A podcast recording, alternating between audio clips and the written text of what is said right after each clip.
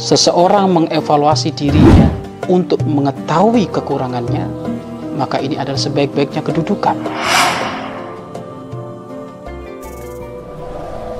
Ayo gabung program wakaf tanah dan bangunan Al-Bahjah Buyut. Hanya 200 ribu per meter. Bismillahirrahmanirrahim. Assalamualaikum warahmatullahi wabarakatuh. Alhamdulillah wassalatu wassalamu ala rasulillah habibina wa syafi'ina wa qurrati a'yunina wa maulana Muhammad sallallahu alaihi wasallam wa ala alihi wa ashabihi wa tabi'ina lahum bi ihsanin ila yaumiddin. Amma ba'd. Sahabat-sahabat fillah yang dimuliakan oleh Allah Subhanahu wa taala kehidupan ahli iman tidak luput antara khauf dan roja. Khauf dan roja. Ahli iman tidak luput dari dua rasa yaitu khauf rasa takut dan roja rasa harap. Keduanya harus seimbang sebab jika khauf terlalu tinggi menyebabkan seseorang hamba mudah putus asa. Jika rojak terlalu tinggi maka akan menyebabkan seseorang meremehkan sesuatu sahabat-sahabat filah yang dimuliakan oleh Allah Subhanahu wa taala di dalam kehidupan kita butuh keseimbangan. Dan keseimbangan di dalam aktivitas kita sehari-hari muaranya hanya di dua rasa. Rasa khof dan rasa rojak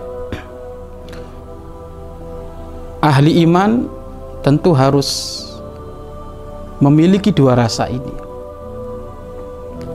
Khauf adalah rasa takut. Rasa takut kepada Allah. Rasa takut jika nanti menghadap kepada Allah. Rasa takut akan siksa Allah. Rasa takut akan neraka Allah. Rasa takut rasa takut rasa takut ini harus ada. Kemudian yang kedua adalah ar-roja. Roja adalah pengharapan. Positif yang tinggi itu adalah rojak dan tidak boleh salah satunya lebih menguasai daripada yang lainnya. Semuanya harus seimbang. Sehingga para ulama menyebutkan khauf dan roja itu seperti hanya dua sayap burung. Kenapa burung bisa berterbang ada di awan-awan tidak jatuh? Karena dia bisa menjaga keseimbangan di dalam dia terbang. Sehingga sayap kanannya pun berfungsi maksimal sayap kirinya pun berfungsi maksimal. Begitu juga khauf dan roja ini tak ubahnya keseimbangan hidup yang perlu dihadirkan oleh hamba-hamba Allah untuk istiqomah. Kenapa ada orang terjumus di dalam kemaksiatan? Karena rasa khaufnya lebih rendah daripada rasa rojaknya. Kenapa ada orang meremehkan di dalam segala aktivitas kedekatan kepada Allah? Karena rojaknya terlalu tinggi khofnya terlalu rendah maka ini akan menjadi orang yang pincang. Sehingga kalau kehidupannya pincang tidak seimbang maka tentu di sini akan ada konsisten yang diterima akan ada efek samping yang diterima. Sehingga orang kalau rojaknya terlalu tinggi dia akan mudah putus asa. Ia memahami bahwasanya Allah dat yang maha murka Allah dat yang sangat tegas Allah dat yang sangat parah di dalam menyiksanya maka kapan rojaknya terlalu tinggi dia akan mungkin sekali menjadi orang yang putus asa. Ketakutan yang sangat-sangat. Akan tapi rasa takut itu jika muncul maka dihadirkanlah atau diseimbangi dengan rasa rojak yaitu pengharapan kepada Allah. Allah maha pengasih Allah maha penyayang Allah maha pengampun. Sehingga keseimbangan ini memang benar-benar harus selaras dan rapi. Ada perdebatan para ulama perbincangan para ulama lebih utama mana? Ibadah dengan menghadirkan rasa khauf ataukah ibadah menghadirkan rasa roja akan tapi sepakat para ulama ini harus seimbang kita. Harus seimbang. Jangan terlalu besar khaufnya jangan terlalu besar rojaknya. Ini semuanya harus imbang 50 50 100 100 200 200 pokoknya harus seimbang. Tidak boleh salah satunya lebih besar lebih menguasai.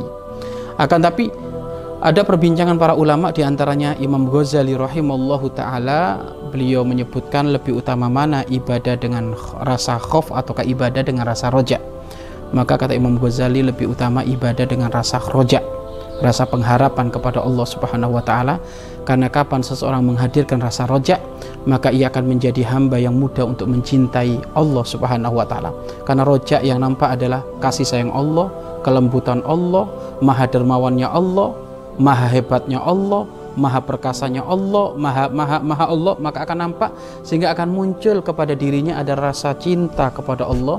Sehingga kalau sudah muncul rasa cinta ia akan menjadi hamba yang soleh akan tapi disepakati para ulama ini kedua-duanya harus seimbang mungkin bisa lebih dibesarkan rasa rojaknya jika mungkin dia dalam keadaan, keadaan tidak normal dalam keadaan tidak normal itu seperti apa? Mungkin ada orang sakit. Seorang ahli iman sedang sakit, biasanya dia tahajud mungkin 20 rakaat karena dia lagi sakit, mungkin tahajud 2 rakaat. Enggak apa-apa. Di saat dia selesai tahajud 2 rakaat, maka rojaknya dibesarkan. Rasa pengharapannya dibesarkan. Ya Allah, biasanya saya melakukan sholat tahajud 20 rakaat. Karena saat ini ya Allah kami sedang sakit, sedang kurang sehat sehingga kami mampunya dua rakaat. Maka rojaknya ditampakkan tidak masalah. Namun kalau dalam keadaan dalam keadaan sehat dalam keadaan normal maka khauf dan rojaknya ini harus seimbang. Penting hal ini harus dihadirkan agar menjadi orang yang tidak sembrono dan tidak menjadi orang yang yang menggampangkan dan tidak menjadi orang yang yang ketakutan sehingga ujung-ujungnya adalah putus asa. Hal ini pernah digambarkan dalam sebuah cerita yang sering diceritakan oleh orang-orang soleh. Dulu ada para ulama melakukan perjalanan rihlah. Para ulama melakukan perjalanan rihlah. Di antaranya ada Abu Yamaliki di situ dan juga ada Syekh Isa Hawas juga ada di situ beliau melakukan perjalanan rihlah sehingga nyampe lah waktu sholat maka beliau-beliau merapat ke musola. Tiba-tiba di samping musola itu ada ada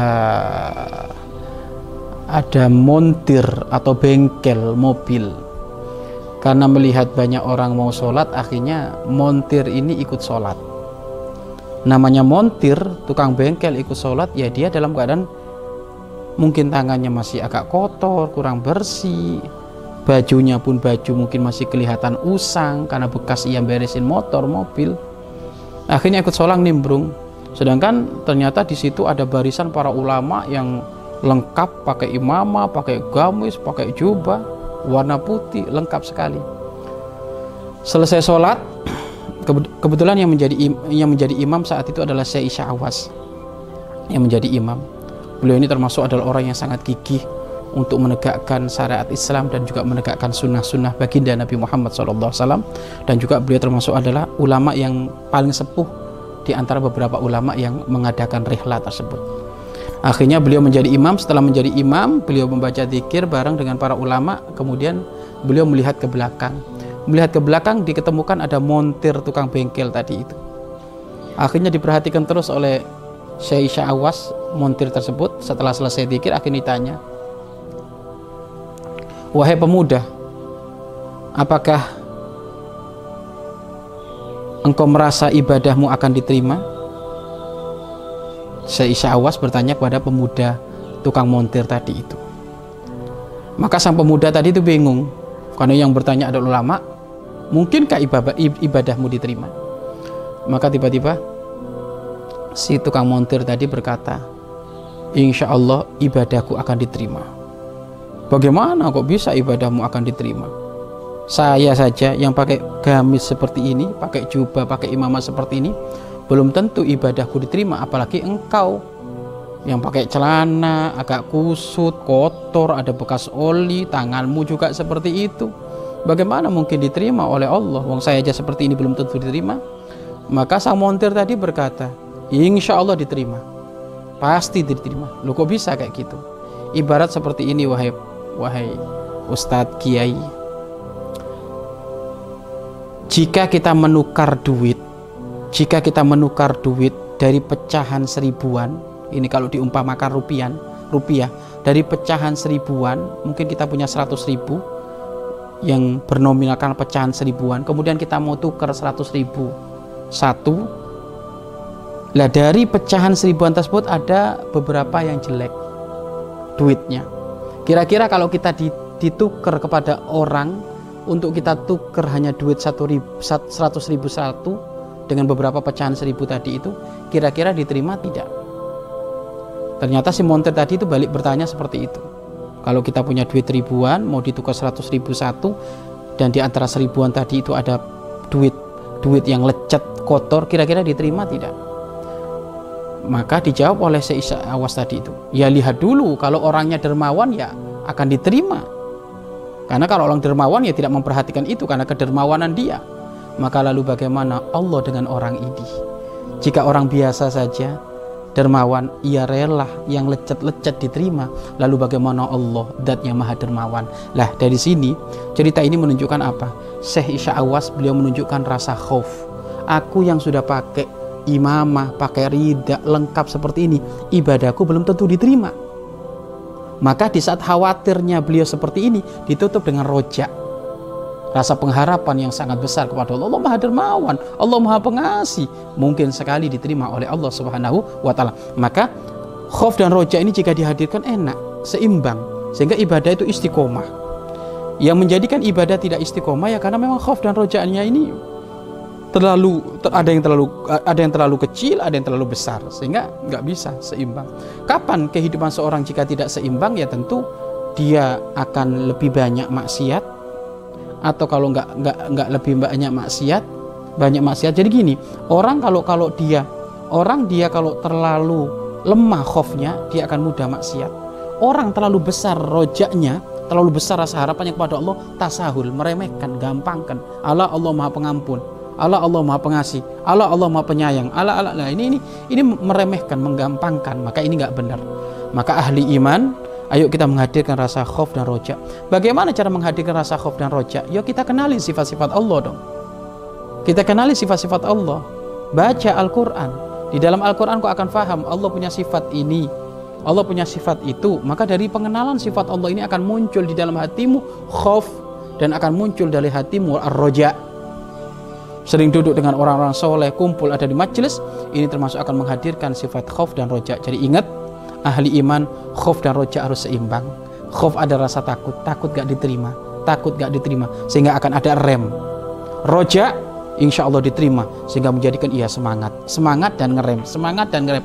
Kapan waktunya dia ngegas kapan waktunya dia harus harus mengerem agar supaya tidak kebablasan. Maka inilah pentingnya khauf dan roh dan roja kecuali jika dia ada dalam keadaan sakit kalau dalam keadaan sakit biasanya baca Al-Quran sampai satu juz dalam sehari. Karena dia sakit mungkin satu lembar mungkin dua lembar. Tapi rojaknya diharapkan ya Allah mohon maaf biasanya satu juz ya Allah karena saya kurang sehat. Akhirnya dua lembar ini mudah-mudahan dua lembar Al-Quran yang aku baca menjadikan sebab engkau mencintai aku. Nah ini rojaknya dibesarkan. Maka pemirsa yang dimuliakan oleh Allah Subhanahu Wa Taala ayo mulai sekarang kita asah kualitas ibadah kita kepada Allah.